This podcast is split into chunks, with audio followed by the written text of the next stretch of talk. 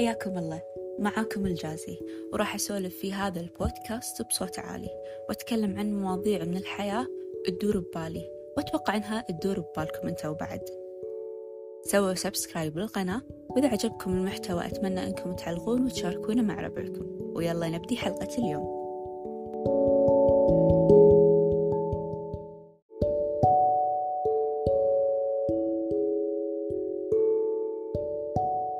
عندما تقرر أن تبدأ الرحلة سيظهر الطريق. هذه العبارة قالها الرومي جلال الدين الرومي. قريتها بالصدفة قبل كم يوم وأنا قاعدة أجهز لهذا البودكاست وقاعدة أكتب بالمحتوى اللي أبي أقوله.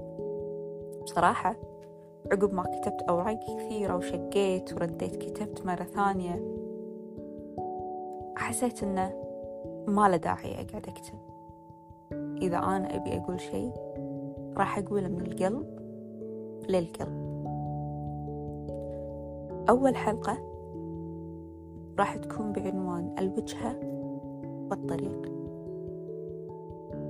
إحنا كبشر من الطبيعي إن إحنا يكون عندنا أهداف أو وجهات أو موانئ نبي نرسي عليها.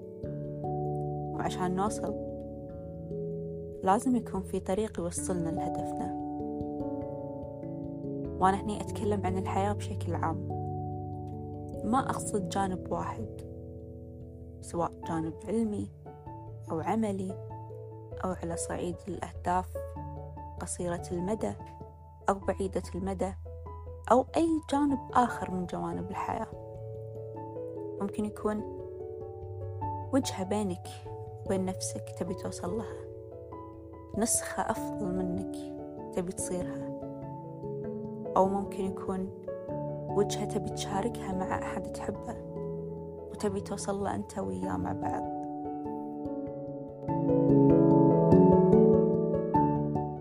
الفترة اللي فاتت أنا ببالي أسوي بودكاست طريقة ممتعة ومحتوى سهل وبسيط. ولكن ما كان واضح معاي شنو الشيء اللي أبي أقدمه وشنو المحتوى اللي يستاهل أن أنا أنشره. فكرت أقدم شيء علمي بحكم تخصصي أو شيء متعلق بريادة الأعمال والبزنس. كنت أبي أساعد الناس علشان يتجنبون الأخطاء اللي أنا طحت فيها وما يغلطونها.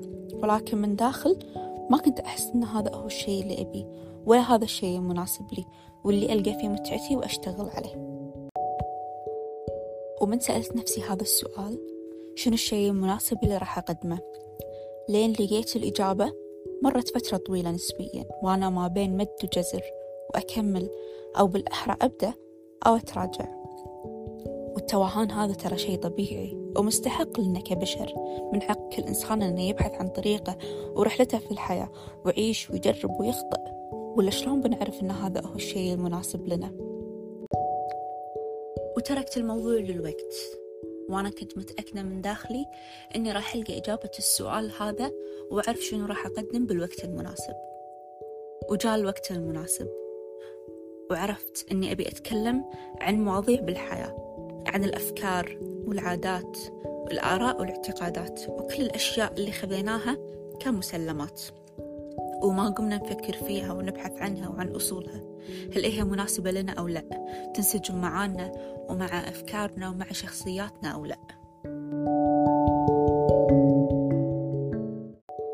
ولما لقيت الإجابة أقدر أقول أني لقيت الطريق. بس بنفس الوقت أتبادر لذهني سؤال. هل كل الناس مقدر لهم يلقون الطريق؟ وكم شخص عايش معانا وهو تايه ويبحث عن وجهته؟ هل كل الناس تمتلك رفاهية التجربة والخطأ وتصحيحه؟ ولا البعض يملك فقط فرصة واحدة في هذه الحياة للتجربة؟ الحياة مليئة بالفرص والخيارات ودائما عندها القدرة على أنها تفاجئنا في أوقات غير متوقعة بطرق ما راح تخطر على بالنا ممكن ترسم لنفسك مسار وتحدد وجهة ولكن أحيانا تضطر أنك تحيد عن المسار هذا وعينك على نفس الجهة اللي تبي توصل لها. مو مهم الطريق. وممكن تكتشف مع الوقت أن لا هذه وجهتك ولا هذا طريقك. أو ممكن تكون عايش بيننا وأنت تايه. ما عندك ولا واحد منهم. وتكون جزء من خطط غيرك وتخلي الحياة تاخذك لأي مكان بدون أي تخطيط. اعرف نفسك عدل. واعرف شنو تبي من الحياة. ووين رايح؟ علشان تقدر توصل.